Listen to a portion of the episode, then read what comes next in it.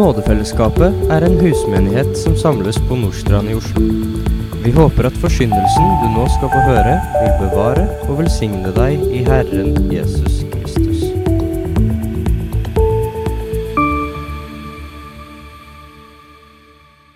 Gamletestamentet det kan lett virke som om det handler om en mytologisk urhistorie, og deretter hendelser som er knytta til Abraham og hans slekt, og senere da historien til israelsfolket. Og Det kan lett oppleves som ganske menneskesentrert dersom du begynner å fokusere på å lese Det gamle testamentet på den måten at du leser det veldig historisk. Man blir altså opphengt i de menneskelige historiene, kongene, krigene, grusomhetene og som det som menneskene gjør her. Og det, det er ikke rart. Mye av grunnen til det er at ofte så er barn gjerne ubevisst. De er lært opp til å lese historiene fra Det gamle testamentet veldig overfladisk. Jeg husker jeg hadde sånn barnebibel sant, med bilder i, og den kunne jeg omtrent på rams, men den var ganske overfladisk når jeg begynner å tenke meg om. Det var liksom det rent menneskelige, historiske som jeg lærte noen ting om, og ikke så mye mer. Og Sjelden så har jeg erfart at man begynner å undervise barn om de dypere åndelige meningene og sannhetene, og lærer de å forstå det bildespråket som vi finner i Det gamle testamentet. Eller at man blir gitt redskap til å forstå det profetiske språket etter hvert da som barna blir eldre. Og Derfor så er det dessverre sånn at jeg tror at mange må bli ganske godt voksne før Det gamle testamentet sin rikdom begynner å bli forstått av oss. Og det er dessverre for mange altfor seint. Da er de rett og slett ikke lenger interessert, fordi at dette, disse overfladiske historiene det ble rett og slett altfor kjedelig. Det, det ga ikke mening inn i livet. og Det ble lite relevant for mange. Og Det er ikke uten grunn at det stadig flere i dag også som kaller seg kristne og teologer, altså ønsker å hekte hele Det gamle testamentet av fra den kristne tro. Og så vet jo alle som kjenner meg, at jeg er opptatt av det som står her rent historisk. Jeg mener det er superviktig. Og at det er altså en viktig fortelling på det menneskelige plan. Men samtidig så er Jesu vitnesbyrd altså at Moses skriver om han. Og Gamletestamentet sin fortelling den krever mye av leseren. Den gjør det. Historien som vi blir fortalt der, den er ekstremt intrikat. Fordi den ofte beskriver en lokalhistorie og frelseshistorien samtidig. Ja, faktisk en god del plasser så er det til og med både lokalhistorie, verdenshistorie og frelseshistorien som blir fortalt helt på samme tid.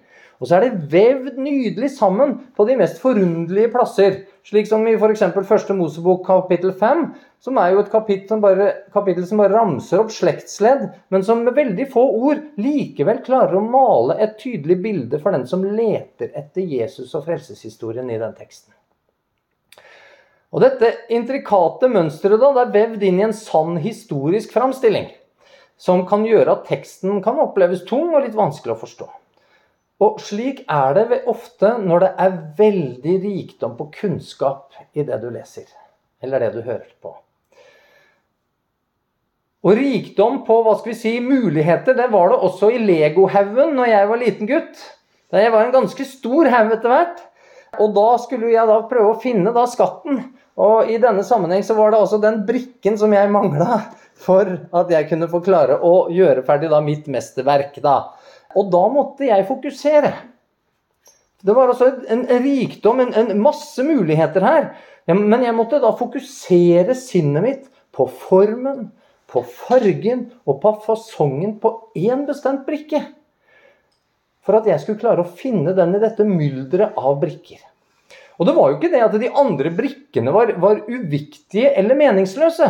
Nei, da, snarere tvert imot. En kunne altså sette mange brikker der sammen til Masse som var nyttig. Men for å få det rette produktet til slutt, så måtte jeg ha altså fokus på det viktigste. Og Litt sånn er det med Gamletestamentet òg. Det er mye der isolert sett som er spennende, mye som er vakkert, mye som er grusomt. Mye som blir vanskelig å forstå.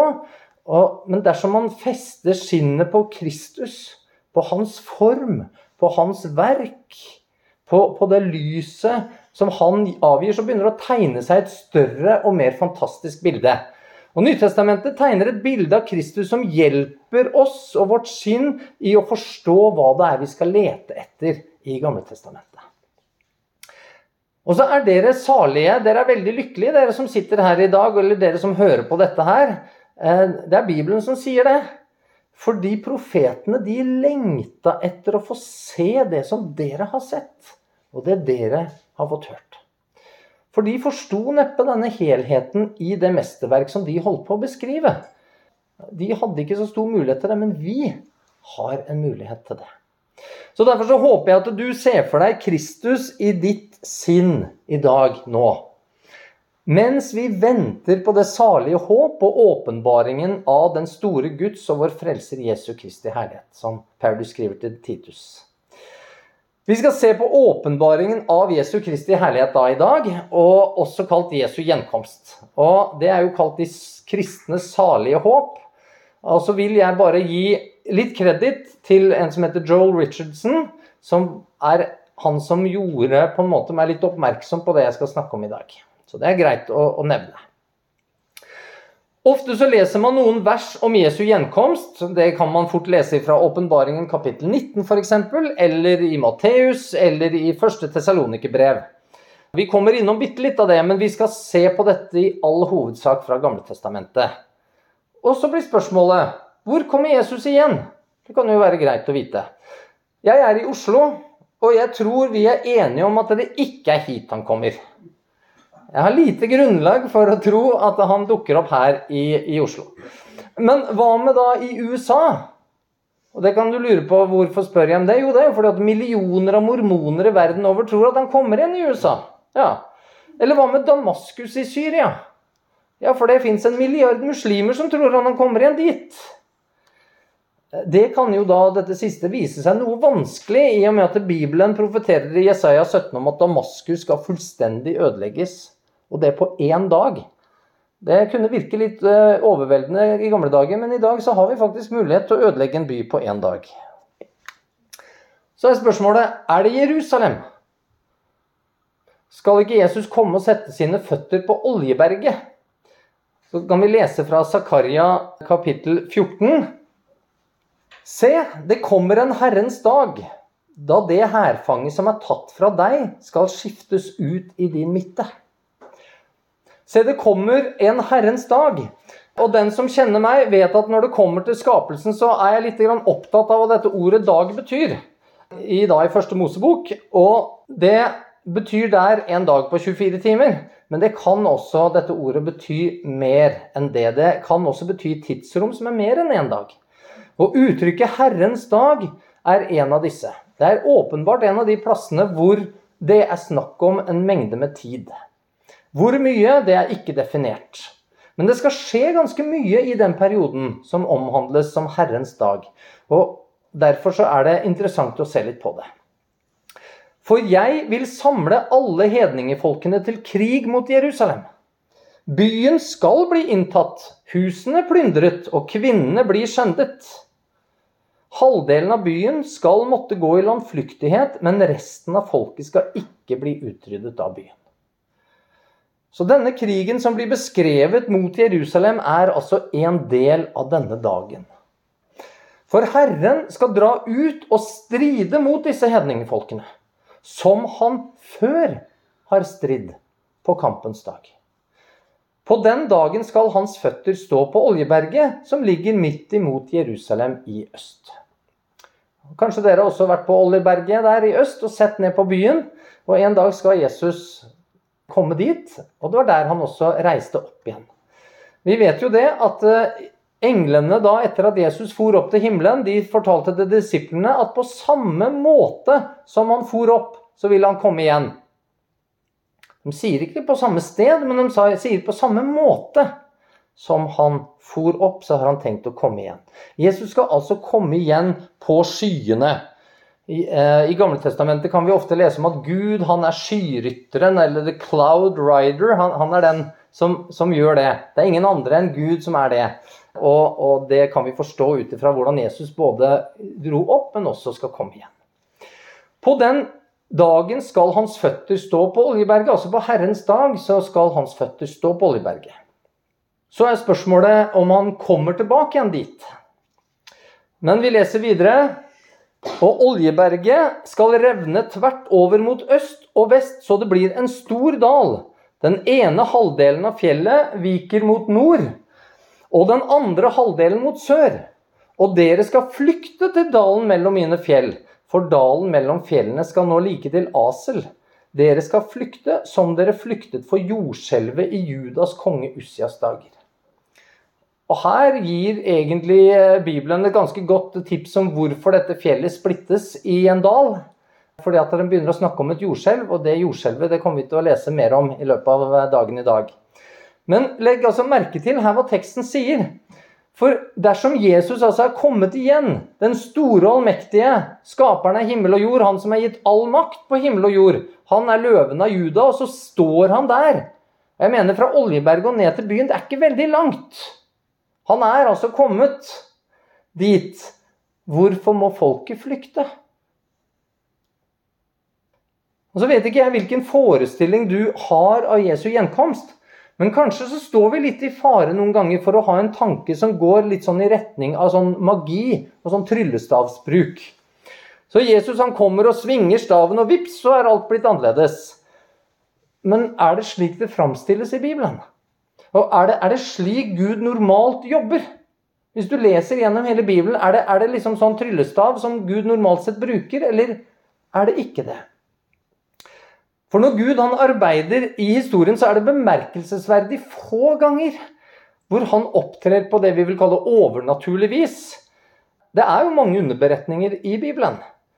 Under som stadfester at ordet er sant. Under som gjør mennesker friske, som setter folk fri. Og Samtidig så måtte israelsfolket de måtte streve i ørkenen i 40 år.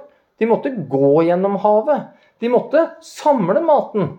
Jesus han gikk i verden. Han ble sulten. Han ble syk, sannsynligvis. Alle disse tingene. Han gikk gjennom trengsel. Og så døde han av naturlige årsaker. På tross av at det var jo andre som påførte han den døden. Men det er jo tross alt forholdsvis naturlige årsaker han døde av, da. En litt spesiell form, selvfølgelig. Men slik har også kristne levd i verden, nå i 2000 år. De har gått gjennom trengsel, de har strevd i kallet. Det har altså ikke vært overnaturlige ting som har prega noe i stor grad. Så i forhold til de 6000 år som har gått siden skapelsen og alt det Gud har gjort, så har vi aldri egentlig å gjøre med en Gud som begynner å svinge en tryllestav, og så vips, så er ting sånn som det skulle liksom bli. Så selv om Gud han bryter noen gang naturen sine lover, slik som vi kan observere de lovene nå, når verden ligger under forgjengelighet, så er det ikke sikkert det er så overnaturlig egentlig likevel. I Guds natur, i Guds tanke om hvordan ting egentlig skal være og var fra begynnelsen. Men det er altså aldri snakk om magi. Som regel så bruker Gud han bruker historiens gang han bruker falne mennesker sine handlinger og det som oppleves som naturlige politiske vinder, kriger, naturkatastrofer, ja, nesten snarere på tross av enn på grunn av, så oppfylles likevel Guds ord og Guds plan. Så blir jo da spørsmålet vil Jesu gjenkomst være annerledes, eller kan det se ut som at det også vil være slik som resten av Bibelen beskriver virkeligheten og hvordan Gud jobber? Det er i hvert fall én ting som står, det er at Jesus kommer ikke igjen med tryllestav, han kommer igjen med et sverd. Og det synes for meg som om Jesu gjenkomst er en prosess som fullendes i seier. En rad med hendelser som er forutsagt, og som finner sin parallell og sin forutsigelse i gamletestamentlige historier. Så skal vi se på noen tekster som mange kanskje ikke vil forbinde med Jesu gjenkomst sånn umiddelbart. Tekster som klart taler om én ting, men som jeg tror da er parallelt er profetiske om Jesu gjenkomst. Tekster som i kontekst handler om å bli satt i frihet, ført ut av slaveriet og inn i det lovede land. Og satt fri av en som går foran, en som kjemper. Og Så skal vi starte i 5. Mosebok, kapittel 33, vers 1 og 2. Dette er den velsignelsen som Moses, Guds mann, lyste over Israels barn før han døde. Han sa, Herren kom fra Sinai.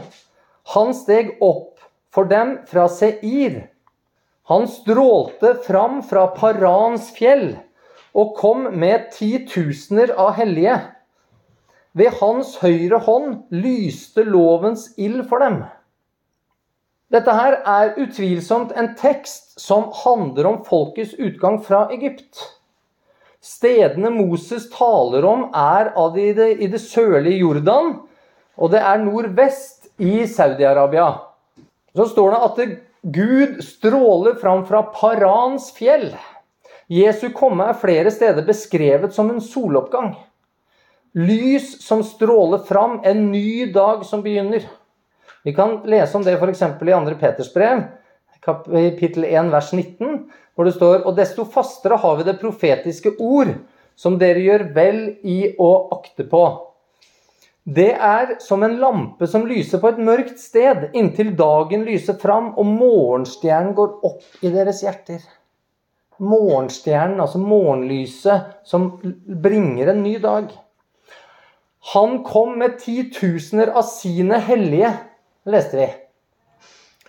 Hvem er det vi forbinder slik språkbruk med? Jeg vet ikke hva du tenker. Er det israelsfolket? For vi, vi skjønner at Moses beskriver det som skjedde på Sinai når folket gikk ut av Egypt. Er det israelsfolket som er de titusener av de hellige? Det folket som da sto ved Sinai og drev med avgudsdyrkelse, mens det altså synes som de bedrev rituell gruppesex. Er det de som han kommer med? Et folk som stadig måtte tuktes pga. deres frafall? Nei, dette språkbruket med hellige, det er noe som vi kan forbinde med engler. Det er ved hans høyre hånd lyste lovens ild for dem, står det. Og I en del engelske oversettelser står det 'med flammende ild ved hans høyre hånd'. Spørsmålet for oss blir jo da hvem er det som er ved Guds høyre hånd? Hvem er Guds høyre hånd?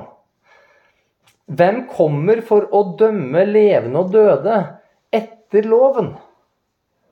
Vi kan lese fra en tekst fra Jesaja 35, 1-4. Ørkenen og det øde land skal glede seg. Ødemarken skal juble og blomstre som en lilje. Den skal blomstre og juble, ja, juble og synge med fryd. Libanons herlighet er gitt den, Karmels og Sarons prakt. De skal se Herrens herlighet, vår Guds prakt. Det som kjennetegner utgangen fra Egypt for Israel, det er at de gikk gjennom ødemarken i 40 år. Og igjen så er det her i Jesaja 35 så er det ødemarken og ørkenen som er i fokus. Og denne ødemarkenen den skal få lov til å se Guds prakt. Styrk de slappe hender og gjør de vaklende knær sterke. Si til de urolige hjerter. Det kan jo hende at du opplever noen ganger at du har litt slappe hender og, og vaklende knær. Og det kan være fordi at det er ganske tungt å se hvilken vei som samfunnet beveger seg i, frafallet i kirken osv. Og Så står det videre i Jesaja 35.: Vær frimodige og frykt ikke. Se, der er deres Gud. Se, der er deres Gud. Da må du kunne se det med dine egne øyeepler. Gud kommer altså tilsynelatende i egen høye person her ifra ødemarken. Hevnen kommer. Guds gjengjeldelse. Han kommer selv og frelser dere. Det står i Bibelen 'meg hører hevnen til', men dette kan altså ikke gjelde Jesu første komme. Det er helt umulig. Fordi da kommer jo Jesus og sier bokstavelig og bestemt at 'jeg er ikke kommet for å dømme verden', men for å frelse det som var fortapt. Mens her så leser vi om at Herren kommer for å hevne, for å dømme. Det kommer en som skal sette alt i rette stand. En som vil innføre fred og rettferdighet. En som vil straffe og gjengjelde. Og en som vil frelse. Og Dette ser vi fra Zakaria, og når vi leste i stad Disse folka som er igjen i Jerusalem, de står i fare for å rett og slett bli utrydda. Og Jesus står der og ber de flykte mellom hans fjell for helt bokstavelig å frelse de. Så frelsen skjer altså åndelig sett der på korset første gang, men den skjer fysisk sett siste gang. Da skal Herren min Gud komme, og alle hellige med deg, min Gud. Her har vi enda en plass fra Zakaria som beskriver det som Moses skrev i 5. Mosebok. At Gud skal komme med alle sine hellige. Og Første referanse til Jesu gjenkomst da, i Nytestamentet det er Matteus 16, 26. Der står det for menneskesønnen skal komme i sin fars herlighet med sine engler. Og da skal han gi enhver igjen etter hans gjerning. Og Så fortsetter Jesus i Matteus 25 og sier, men når menneskesønnen kommer i sin herlighet Det er ganske interessant. Første gangen snakker han om sin fars herlighet. Her snakker han om sin herlighet. For Jesus og Gud er den samme. Og alle englene med han, da skal han sitte på sin herlighetstrone. Paulus skriver i 2. Tessalonikerne 1, 7-8.: Men dere som lider trengsel, skal han gi ro, sammen med oss. Dette skal skje når Herren Jesus åpenbarer seg fra himmelen med sin makts engler. Han kommer med flammende ild. Hmm og tar hevn over dem som ikke kjenner Gud, og over dem som ikke er lydige mot vår Herre Jesu evangelium. Jesus han kommer i form som en menneskesønn med sin fars herlighet og makt. Og I kapittel 5 så er det altså i sin egen herlighet. En man kan se med sine egne øyne. Ikke i form av ildstøtte eller skystøtte. Han kommer med sine hellige, altså englene, for å føre fanger i frihet med flammende ild. Både Jesus og Paulus sier dette med henvisning hvor? Jo, til 5. Mosebok, kapittel 33. Det fins ingen annen plass de kan henvise til enn der. Og det betyr at når Moses, før han dør, beskriver det som skjer på Sinai, så beskriver han to hendelser. Han beskriver det som skjedde, og han beskriver det som skal skje. Vi skal se på en annen tekst som er hentet fra det som av en del eh, rabbinere i hvert fall omtales som Jave ut av ødemarken-tradisjonen. Og Da kan vi lese fra Dommerne kapittel 5, i starten der. Den dagen sang Deborah og Barak, og da er det ikke Obama vi snakker om, det er en annen en. Abinoams sønn. Denne sangen. De sang denne sangen. Fyrstene i Israel gikk først i striden. Og folket møtte villig fram. Lovsyng Herren. Hør dere konger. Lytt til dere høvdinger. Jeg, for Herren vil jeg synge. Jeg vil lovsynge Herren, Israels Gud. Herre, da du gikk ut fra Seir, da du skred fram fra Edoms mark, da skalv jorden. Himlene dryppet, skyene dryppet av vann. Fjellene ristet i skrekk for Herrens åsyn. Sinai der borte skalv for Herrens, Israels Guds åsyn. Vi har sett før hvordan profetiske ting om Jesus ofte er skrevet i preteritum, som om det allerede har skjedd. Og her kan det være begge deler, fordi det kan altså vitne om to forskjellige ting. Fra Habakuk 3, som muligens er den mest detaljerte teofanien, som det heter, som Eh, vi finner i Bibelen, altså åpenbaring av Gud, som vi finner da i hvert fall i hele Gamle Testamentet. Der står det Herre, jeg har hørt budskapet om deg. Jeg er forferdet. Jeg er forferdet. Herre, din gjerning, kall den til live i vår tid. Ja, kunngjør den i vår egen tid. I din vrede Kom i hu og forbarme deg. Vi som sitter her og har hørt budskapet om Herren er skarenes Gud, kan det hende at du savner at hans gjerninger kunne tre fram, bli synlige? Ja, jeg kjenner på det. Jeg, jeg kunne ønske at vi kunne begynne å be om at det måtte komme til live i vår tid. Men det er ikke en sånn enkel bønn å be om, fordi at når du hører budskapet sant om Herren, da ble Habakuk han ble forferdet. Hvis vi virkelig vil at Gud skal begynne å virke i vår tid, så kan det bli tøffe tider. Vi trenger å kunne gjøre hans gjerninger i vår tid. Vi vet at han en dag kommer i vrede for å dømme verden. Og da er spørsmålet lever du rett med han. Ja, hvor, hvor kommer han fra, da? Jo, Gud kommer fra Teman. Det er dagens Petra. Han kommer fra altså Jordan.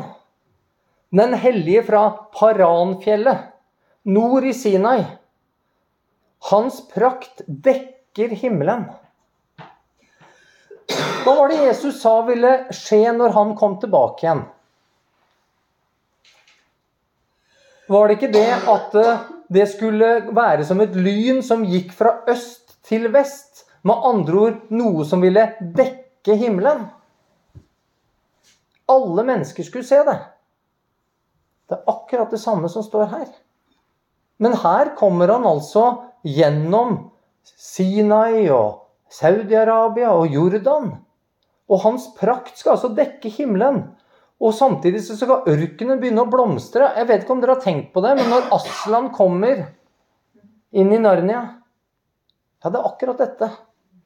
Det er akkurat dette. Ørkenen skal begynne å blomstre.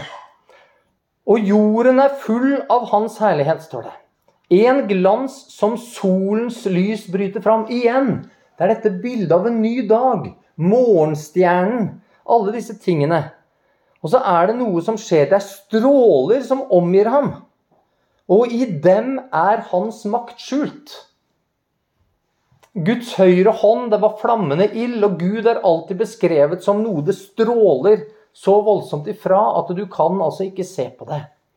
Og En mye brukt engelsk oversettelse den sier at det stråler, stråler lyner fra hans hånd, der hans makt er skjult. For hva, hva, er det alltid i Gamle Testamentet sier? Jo, det er Herrens høyre hånd gjorde ditt. Herrens høyre hånd gjorde datt. Og han som sitter ved Herrens høyre hånd, han kommer med flammende ild. Hans makt er altså skjult i denne hånden der det stråler lys fram. Og hvordan utøver han den makten? Jo, han utøver den altså med flammende ild, og så står det 'Pest går fram for hans åsyn'. Pest går fram for hans åsyn, og sått følger i hans fottrinn. Han stiger fram og rister jorden. Og Hvis dette ligner litt på det du leser om i Johannes' åpenbaring, så er ikke det helt tilfeldig. Det skal altså komme en blek hest, og det skal komme forskjellige ting. Det skal være jordskjelv osv. Ja, det er akkurat det vi leser om her. Bibelen sier at på Herrens dag så skal det komme et jordskjelv som vil få altså hvert fjell og hver øy til å flytte seg fra sin plass. Og så står det 'Han ser opp og får folkene til å skjelve'. Ja, Vi vet jo at folkene skal be fjellene falle over seg. Så redd er de når han kommer. Da, begynner, da skjelver du. Jesus han kommer igjen. Og så står det 'De evige fjell sprenges i stykker'. De eldgamle hauger synker sammen. Dette er Jesu gjenkomst det er tale om her. Og Petter Dass han forsto det i hvert fall, for han skrev det slik. Høye hall og dype dal skal vike. Jord og himmel falle skal til like. Hvert fjell, hver tinde skal brått forsvinne. Men opp skal rinne som solen skinne, Guds rike. Det er ganske flott. Tenk på det neste gang du synger den sangen. For dette er poesi av høy kvalitet, som har forstått hva Gamletestamentet snakker om om Jesu gjenkomst. Og så står det Hans gange er som i eldgammel tid. Hans gange er som i eldgammel tid. Skal Gud gå der han har gått tidligere? For tydeligvis har Gud gått her før, sier Habakuk. Ja, det kan synes slik. Det kan synes som at Gud skal gå en rute han gikk en gang før i menneskets historie. Og Hva er det som skjer da når Gud skal begynne å gå denne ruta han har gått før? Jeg ser Kushans telter i sorg. Teltdukene i Midians land bever. Ja, hvor er dette? Jo, Kushan, eller Kush, mener man var på begge sider av Rødehavet, og det inkluderer sørlige Arabia. Midian det er nordvest i Arabia. Like ved der Sinai-fjellet egentlig ligger. Og folkene der, når Jesus kommer, når Gud går der han gikk i eldgamle dager, de skjelver. De er i sorg. Jo, fordi det er Guds dom som er kommet. Det er Guds dom som er kommet. Og det er ikke tilfeldig, tror jeg, at hovedsetet for verdens største falske religion, den største avgudsdyrkelsen, ligger akkurat der. I harme skrider du framover jorden. I vrede trår du folkene ned. Du drar ut til frelse for ditt folk, til frelse for din salvede. Så dette her er veldig, veldig tydelig. Hva er det som skjer? Jo, det blir beskrevet at han har gått der før. Det blir beskrevet hvor han går, og det blir beskrevet hva han skal gjøre der han går fram. Dette er en fantastisk tekst som altså sporer Guds vandring tilbake til Sinai-fjellet. Vi skal også se på et utdrag fra en bok som nesten kom med i vår bibel, men som ikke ble med. Eh, en bok som er sitert ca. åtte ganger i vår bibel, og som alltid har vært en del av den etiopiske bibelen. Og jeg har oversatt det første kapitlet der til norsk. Og der står det Ordet med velsignelsen fra Enok, hvordan han velsignet de utvalgte og rettferdige som vil leve i trengselstiden, når alle onde og gudløse skal fjernes. Har dette skjedd? Dette er altså starten på kapittel 1 i Enoks bok. Og boken den forteller at det er skrevet til velsignelse for dem som skal leve i trengselstiden. Hva er meningen med denne trengselstid? Jo, det er altså å fjerne alle onde og gudløse. Har det noen gang skjedd i historien før? Enok, en rettferdig mann som var med Gud, svarte og snakket mens øynene hans var åpne. Altså, dette var ikke et syn. Han sov ikke på den måten. Han var ikke utafor, han var altså fullt våken. Da han så et hellig syn i himmelen. Så han så dette mens øynene var åpne. Dette viste englene meg, sier Enok. Fra dem hørte jeg alle ting og forsto hva jeg så. Hvis han forsto det, så er det nok mulig for oss også. Det som ikke vil skje i denne generasjonen, men i en generasjon som kommer siden. Ja, hvor lenge etterpå, da? Enok han levde før flommen.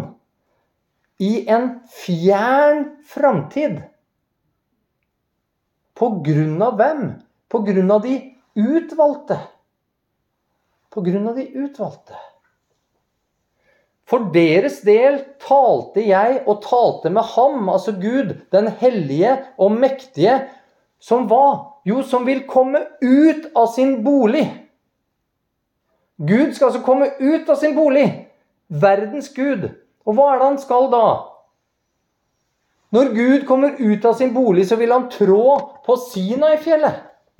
Han vil åpenbares med sin hva? himmelske hærskare og blir manifestert i styrken av sin kraft fra himmelen. Og Dette er perfekt gjengitt akkurat det vi har lest om fra Gamletestamentet. For på Sinai så kom ikke Gud med englene sine. Det står ingenting om noen engler på Sinai etter at Israel gikk ut fra Egypt. Men Gud skal tre ut av sin bolig, og han skal komme ned på Sinai. Og denne gangen skal englene være med. Og han skal altså komme i styrken fra sin kraft fra himmelen. Hva er det? Jo, det er i styrken til Faderen. Faderens høyre hånd er kommet ned med kraften fra styrken i himmelen. Vi ser at Enok, selv om boken ikke er en del av vår kanon, den baserer seg på den samme ødemarkstradisjonen som vi har lest om nå, i 5. Mosebok 33, i Dommerne 5, i Habakkuk 3, og som vi skal se mer på i Salme 68. Og Enok han plasserer dette ikke til Exodus og utgangen fra Egypt, men altså til trengselstiden og for de utvalgte sin skyld. Og Det er veldig fascinerende å vite at Enoks bok senere skriver at mennesker skal dømmes etter et sett med bøker. Og så gjør den et poeng ut av at den boken, altså Enoks bok, ikke er en av de. Det syns jeg er ganske fascinerende.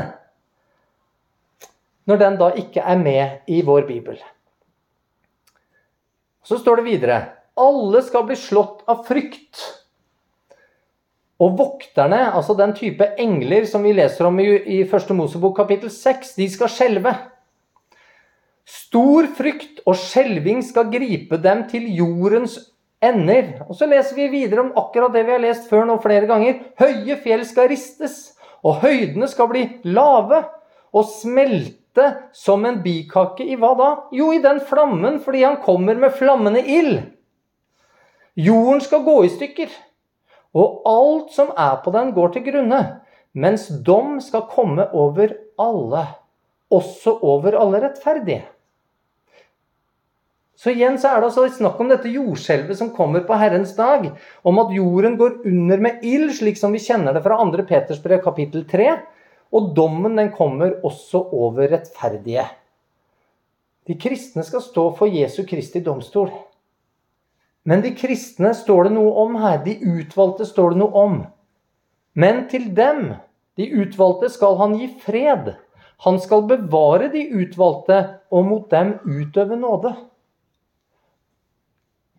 Dette er interessant, for dette er altså skrevet før Jesus var I hvert fall hvis man tror på at Enoks bok er fra Enok, noe Bibelen synes å mene, så er det skrevet altså lenge før Jesus kom. Før det var mulig å utøve nåde på denne måten. Hva skjer da? Jo, da skal alle høre Gud til. Vær glad og velsignet, og Guds prakt skal belyse dem. Og igjen, Dette kjenner vi igjen fra åpenbaringen, for det skal ikke være mer sol og måne, men Gud skal altså lyse over oss. Og så, Etter disse første åtte versene i Enoks bok, så kommer vers 9, som er det som er sitert i vår bibel, i Judas brev. Og Der står det Se, han kommer med 10 000 av sine hellige for å utføre dom over dem og ødelegge de ugudelige og irettesette alle kjødelige for alt som de syndige og ugudelige har gjort og utøvet mot ham. Så Judas sier at Enok, den sjuende fra Adam, sa dette. Og selv før flommen så er altså Jesu ikke bare førstekommen, men hans gjenkomst er åpenbart. Og vi vet at det er en annen som levde like etter flommen, som også visste litt om dette, nemlig Jobb, som sier at 'jeg vet at min gjenløser lever'. Her har det vært åpenbaring, mennesker og venner, fra Gud, også før Bibelen lå ferdig. Når Jesu komme da blir beskrevet i Johannes' åpenbaring, i kapittel 19 og 11 og utover, så er Jesu klær farget røde av blod, står det. Og hvem sitt blod er det? Jo, det er blodet av hans fiender, og vi finner det i en parallelltekst i Jesaja 63. Jesaja han er da i Jerusalem, og så står han i Jerusalem og så ser han mot Edom. altså Han ser mot eh, områdene i dagens Jordan og langt sør i Saudi-Arabia. Og de samme stedene som vi allerede har sett, altså nevnt mange ganger. Og så skriver Jesaja Hvem er han som kommer fra Edom? I røde klær fra Bosra, så prektig i sin kledning, der han skrider fram i sin store kraft. Det er jeg. Jeg er. Det er jeg, jeg som taler rettferdighet, som er mektig til å frelse. Jesus han kommer altså fra Edom. Han skrider fram. Han er på vei fra et sted der sør til et annet sted. Og vi vet at det er Jerusalem. Og den Jesus vi finner beskrevet i denne teksten, ser du ikke hengt opp på bilder i kirker og bedehus. Jeg vet ikke om du, du har kanskje sett masse fine bilder med glorier og en hyggelig Jesus med noe lam, og, og han står og banker på døren og, og sånn. Jeg vet ikke om du har sett den her Jesus vi skal lese mer om nå. Hvorfor er din kledning så rød? Lik klærne til han som tråkker vinpressen. Pressekaret har jeg tråkket jeg alene, og av folkene var det ingen med meg. Så tråkket jeg på dem i min vrede og trampet dem i stykker i min harme, altså disse menneskene i Saudi-Arabia og Jordan. Da sprutet deres blod på mine klær, og hele min kledning fikk jeg tilsølt. For hevnens dag var i mitt hjerte, og mitt gjenløsningsår var kommet mitt gjenløsningsår. Om det er et hint på hvor lang tid Herrens dag er, det vil jeg overhodet ikke spekulere i. At det tar et helt år, jeg vet ikke. Kanskje lite trolig. Men i hvert fall. Det er altså Jesus alene som tråkker vinpressen. Det er ikke Jesus og Israels hær eller USAs militære. Nei, det er han alene. Hevnen hører Herren til, og det knyttes opp mot et gjenløsningsår. Altså der vi blir satt fri. Og gjenløsningsåret er i hele Bibelen dette jubelåret som kommer hvert 50. år. Og som enkelte vil hevde er det som blir profetert om før flommen, med de 120 årene, eller de 120 jubileumsårene som blir 6000 år før hevdens dag kommer. Og denne rettferdighetsdag, den brenner i Guds hjerte. Fordi Gud han ser all urett her nede. Ser alle som blir utnytta, alle slavene, alle som blir misbrukt. Både økonomisk misbrukt og seksuelt misbrukt. All korrupsjon og vanstyre. All vold, all løgn, all svik. Og Herrens dag kommer den store og forferdelige. Og det er fryktelig å falle i den levende Guds hender. Og dersom man har levd for det som er der oppe, så vil det være en lengsel etter gjenløsning og rettferdighet. Og dersom blikket er festa på Jesus, så lever man i forventning til denne dagen. En vil leve her nede i lys av det som kommer. Det, det skaper nød for mennesker. Det, det skaper nød for misjon. Og det, det, overskygger verdens fristelser og prøvelser og tanketom og syndig underholdning. Kanskje vi er slike som eh, tenker at Jesus må gjerne komme igjen. Men den unge mannen han tenker gjerne at å, det hadde vært bra om han drøyde til hvert fall etter bryllupsnatta. Og Etter hvert som vi blir eldre, så tenker vi kanskje at eh, å, jeg håper han venter til hvert fall huset er ferdig, eller, eh, eller forfremmelsen er kommet på jobben, eller at barnebarna er blitt født. Og så, og så kan jeg nok kjenne meg litt igjen i det. Men, men, etter hvert så har i hvert fall mine tanker dreid seg mot at jeg, jeg håper han ikke kommer før jeg, jeg, kan ha fått gjort litt mer i hans rike. For jeg føler jeg har kasta bort så mye tid i livet mitt. Tid og talenter og, og mulighetene som jeg hadde for å være et sannferdig vitne for han. Og, og, selv om kanskje noen ville tenke å ja, men det er jo flotte tanker og litt prektige tanker å ha, at du ønsker å gjøre mer i Guds rike før han kommer og sånn. Nei, det er fryktelig selvsentrert. For mennesker lider. Verden lider. Ja, selve naturen stønner og sukker og lengter etter denne friheten som skal komme. Det trengs altså en frigjøring og en frigjører. Og Joel i kapittel 3 skriver, han skriver om han. Og jeg vil gjøre underfulle tegn på himmelen og på jorden. Blod og ild og røyksøyler. Solen skal bli forvandlet til mørke og månen til blod før Herrens dag kommer, den store og forferdelige. Og det skal skje. Hver den som påkaller Herrens navn, skal bli frelst. For på Sions berg og i Jerusalem skal det være en flokk som er sluppet unna. Det leste vi om i Zakaria. Mye av byen var blitt bortført, men en liten flokk var blitt tilbake igjen. Slik som Herren har sagt. Og blant de overlevende skal de være som Herren kaller. For se, i de dager og på den tid, når jeg gjør ende på Judas og Jerusalems fangenskap, da vil jeg samle alle hedningefolk og føre dem ned til Josjafats dal. Der vil jeg holde rettergang med dem på grunn av Israel, mitt folk og min arv. Fordi de spredte dem blant hedningefolkene og delte mitt land. Og nå har vi fått vende tilbake igjen til Jerusalem, der vi starta i Zakaria. Og så skjer det noe underveis. Noe må ha skjedd. Fordi at det, når Jesus kommer igjen, så vil altså menneskene være så redde at de ber fjellene dekke seg og kaste seg over dem. Men hvordan kan altså mennesker som er blitt så redde, hvordan kan de nå plutselig ha samla en diger hær for å gå til krig mot Jesus? Noe har åpenbart skjedd. Og jeg vet ikke hvor lang tid det har tatt fra du er så livredd at du knapt klarer å stå på beina dine, til at du tenker at nei, nå skal jeg krige mot han der. Det, det er forskjell, venner. Jeg vet ikke om du har tenkt på det noen gang. Det er radikal endring som har skjedd i denne tiden. Og dette er da slaget som er kjent som Armageddon, som vi leser om her fra Joel. Og denne endringen i menneskers holdning kan kun skje om det er gått litt tid. Og en prosess som vi nå har sett har ført Jesus fra Sinai og mot Jerusalem. Og Kanskje er det Jesus selv som skaper en slik endring ved det han har drevet og holdt på med nå i sin vandring oppover.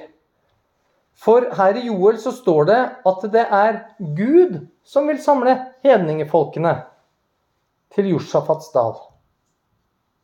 Det er Gud som gjør det. Det er noe Gud har gjort som gjør at mennesker nå tenker at nei, han der skal vi gå til krig mot.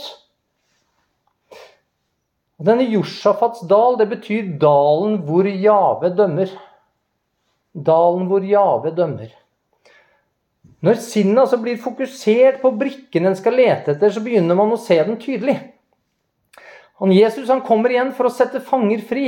Ikke bare dem som er satt fri fra syndens fangenskap, men som bokstavelig talt er fanget. Ja, selve naturen da, som er fanga under forgjengeligheten som nå gjennomsyrer alt. Fra Salme 102 så kan vi lese Du vil reise deg, du vil forbarme deg over Sion, for tiden er kommet til å være nådig. Den fastsatte tiden er kommet. Dette er skrevet for den kommende slekt. Det folk som skal bli skapt, skal prise Herren. Altså de som har blitt skapt, Hvilke folk er det som har blitt skapt nå etter Israel ble utvalgt? Jo, det er kirken, det er de kristne. Det er folk som er blitt skapt. De skal prise Herren, for han har skuet ned fra sin høye helligdom fra himmelen, han og ser da ned på jorden for å høre fangens sukk, for å løse dødens barn. For Herren deres Gud skal se til dem og gjøre ende på deres fangenskap, skriver Sefania i kapittel 2, vers 7. Gud reiser seg. Hans fiender blir spredt. De som hater ham, flykter for hans åsyn. Liksom røk drives bort. Og dette er et utrolig sterkt bilde, venner. Fordi hvor mye skal egentlig til for å drive bort røyk? Bare vifte litt med hånda. Det, det skal ingenting til. Ingenting. Slik driver du dem bort. Liksom voks smelter for ild. Igjen, Gud kommer med flammende ild. Slik forgår de ugudelige for Guds åsyn. Men de rettferdige gleder seg. De jubler for Guds åsyn og fryder seg med glede. Syng for Gud, lovsyng Hans navn. Gjør vei for ham som farer gjennom hvor? Jo, gjennom ødemarken. Jesus han sier, hvis noen sier at 'jeg er der ute i ødemarken', så ikke tro på ham. Hvorfor gjør Jesus et poeng av det? Jo, for han skal komme fra ødemarken. Forskjellen er bare det at han er ikke hemmelig der ute i ødemarken. Nei, det er altså hele himmelen vitner om det, og alle vet det. Og alle ser hva han driver på med. Men du må ikke tro at han kommer der i ødemarken hvis ikke du er fullstendig klar over det fra før. Så ikke bli lurt. Herren er hans navn, juble for hans åsyn.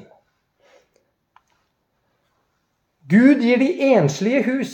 Han fører fanger ut til lykke. Bare de gjenstridige bor i et tørt land. Gud, da du dro ut foran ditt folk, da du skred fram gjennom ørkenen, da bevet jorden, og himlene dryppet for Guds åsyn. Sinai bevet for Gud, Israels Gud. Så igjen så har vi denne dobbeltheten om utgangen fra Egypt kobla sammen med Jesu gjenkomst. Så den samme Gud som kom i skyen ned på Sinai-fjellet, så det fjellet skalv med ild og lyden fra horn, skal komme igjen i skyen med flammende ild ved lyden av basunen, og da skal hvert fjell vike fra sin plass. Nå nærmer vi oss slutten. De ser dine seierstog, Gud, min Guds, min konges seierstog inn i helligdommen. Foran går sangere, deretter harpespillere, midt blant jomfruer som slår på tromme. Det er Guds seierstog. Og dette Guds seierstog skal ta Jesus altså like inn i Jerusalem og inn i helligdommen. Og det skal være altså enorm jubel og glede. En fest vi aldri har sett maken til. Så det er et seierstog, et seierstog som beveger seg fra Sinai og inn i helligdommen. Det er en historie som har alt. Det er krig, det er blod, fanger blir satt fri, det er en mektig fiende som beseires. Den har romantikk som ender i et bryllup, og det vil være masse musikk. Du, du kunne ikke liksom henta en film som var bedre tillagt. Det er perfekt manus. Herrens forløste, altså de som er satt fri, skal vende tilbake og komme til Sion med frydesang. Vende tilbake jo, men de måtte jo flykte fra Jerusalem når Jesus sto med bena på Oljeberget. Nå vender de tilbake igjen. Til Sion med frydesang, til Jerusalem. Evig glede skal det nå være. Det kan ikke gjelde noe annen tid enn når Jesus er kommet igjen. For nå skal det være evig glede. Fryd og glede skal de nå. Sukk og sorg skal fly. Løft hodene, dere porter, og dere evige dører, løft dere, så herlighetens konge kan dra inn. Hvem er denne herlighetens konge? Herren, sterk og veldig. Herren, mektig i strid. Hvorfor er Herren mektig i strid? Er dette Jesu første konge komme når han red inn i Jerusalem på et esel? Nei, det er det åpenbart ikke. Men her har vi altså en konge som kommer inn i Jerusalem etter han har kriga her og han har kriga der. Han har vist seg mektig i strid, og hans fiender har vært som en liten røyk han bare kan skyve unna med hånda. Med et lite vindpust fra sin munn. Han er det som kommer. Gud for opp med jubelrop. Herren under lyd fra horn. Lovsyng Gud, lovsyng, lovsyng vår komme. Altså, folk er helt i ekstase her. Lovsyng! For Gud er all jordens konge. Syng en sang med visdom. Gud er konge over folkene. Gud har satt seg på sin hellige trone. Folkenes fyrster samler seg med folket til Abrahams Gud. For skjoldene på jorden hører Gud til. Han er høyt opphøyet. Hvem er det som er folkenes fyrster nå? For jeg tror nemlig at de som var folkenes fyrster, de gikk til krig nylig. Og de tapte så det sang. Men det er noen nye fyrster nå som samler seg om Guds trone. Og det, min venn, det vil være deg. Hvis du blir funnet i Jesus Kristus. For vi skal regjere med Han i tusen år.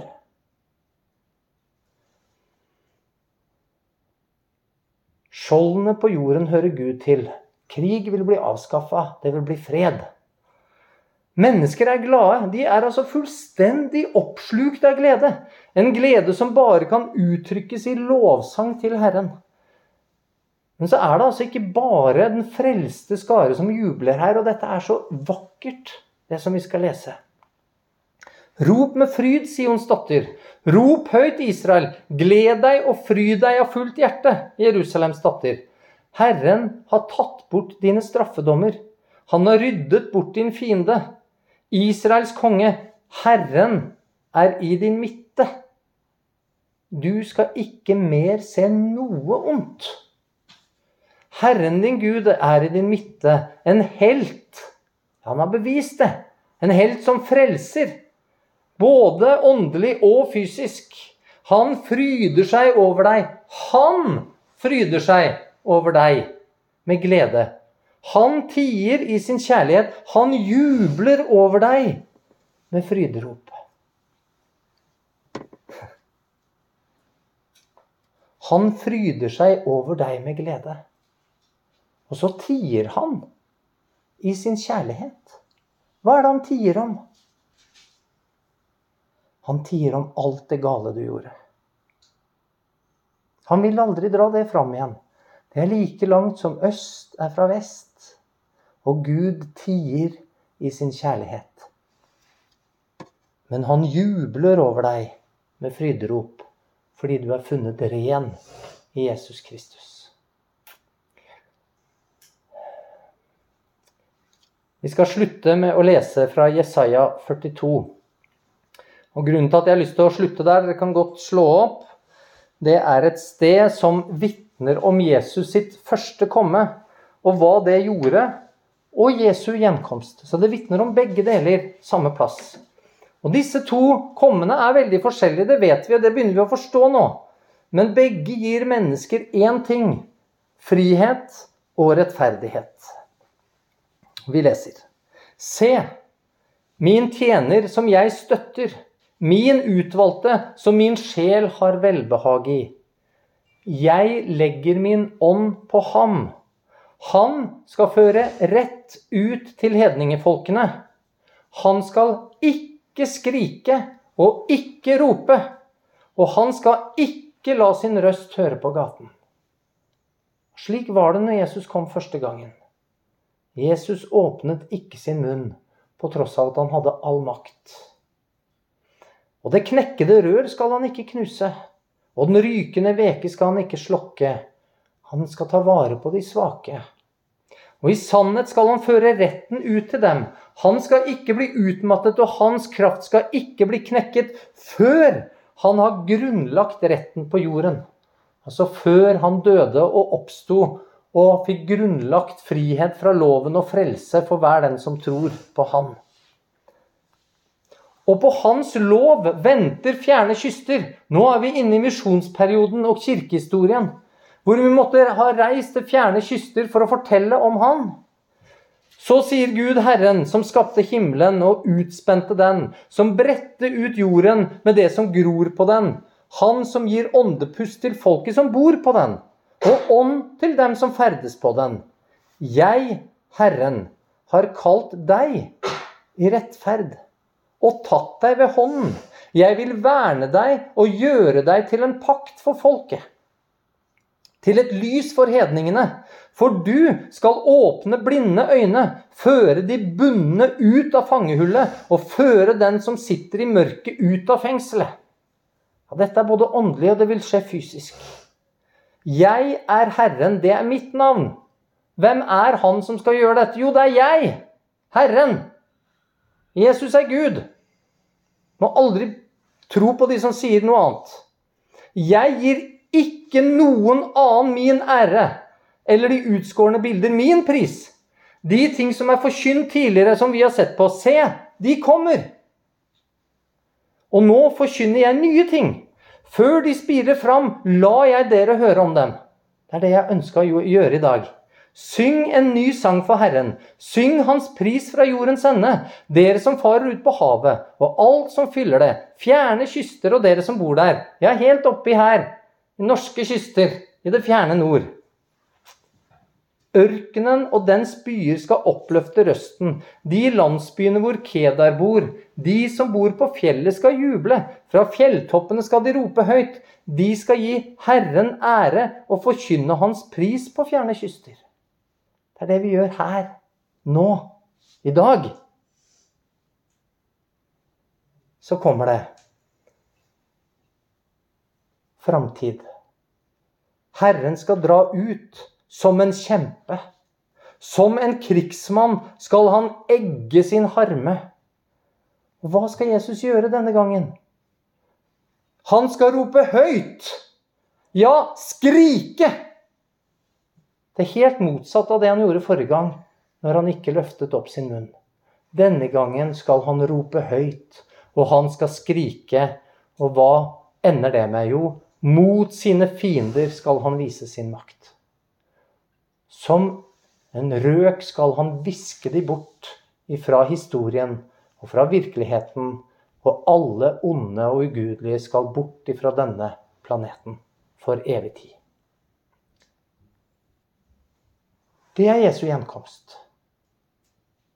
Kjære Herre, jeg takker deg for ditt ord.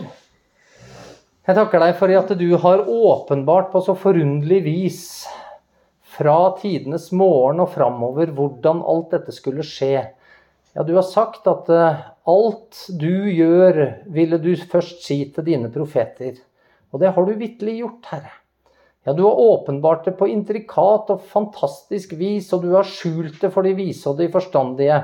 Og Herre, la oss få være blant de dårene som du åpenbarer det for. Kom inn i vårt hjerte og vis hvem du er. Vis din storhet og din makt, at du kommer for å frelse og sette oss i frihet. Herre, jeg ber om at du ikke må la oss bli til skamme, vi som stoler på deg. Vi som har satt vår tillit til at ordet ditt er sant i hver eneste bokstav og hver eneste ord som du har gitt oss. For du har lovet at du vil holde det ordet bevare ditt ord, og at det ordet aldri skal få gå. Selv om denne jorden altså skal få gå, som vi har lest om i dag. Ja, hver, hvert fjell og hver øy skal snart rykkes bort fra sin plass men ditt ord det vil stå fast, og vi skal få lov til å juble og glede oss i det. Amen.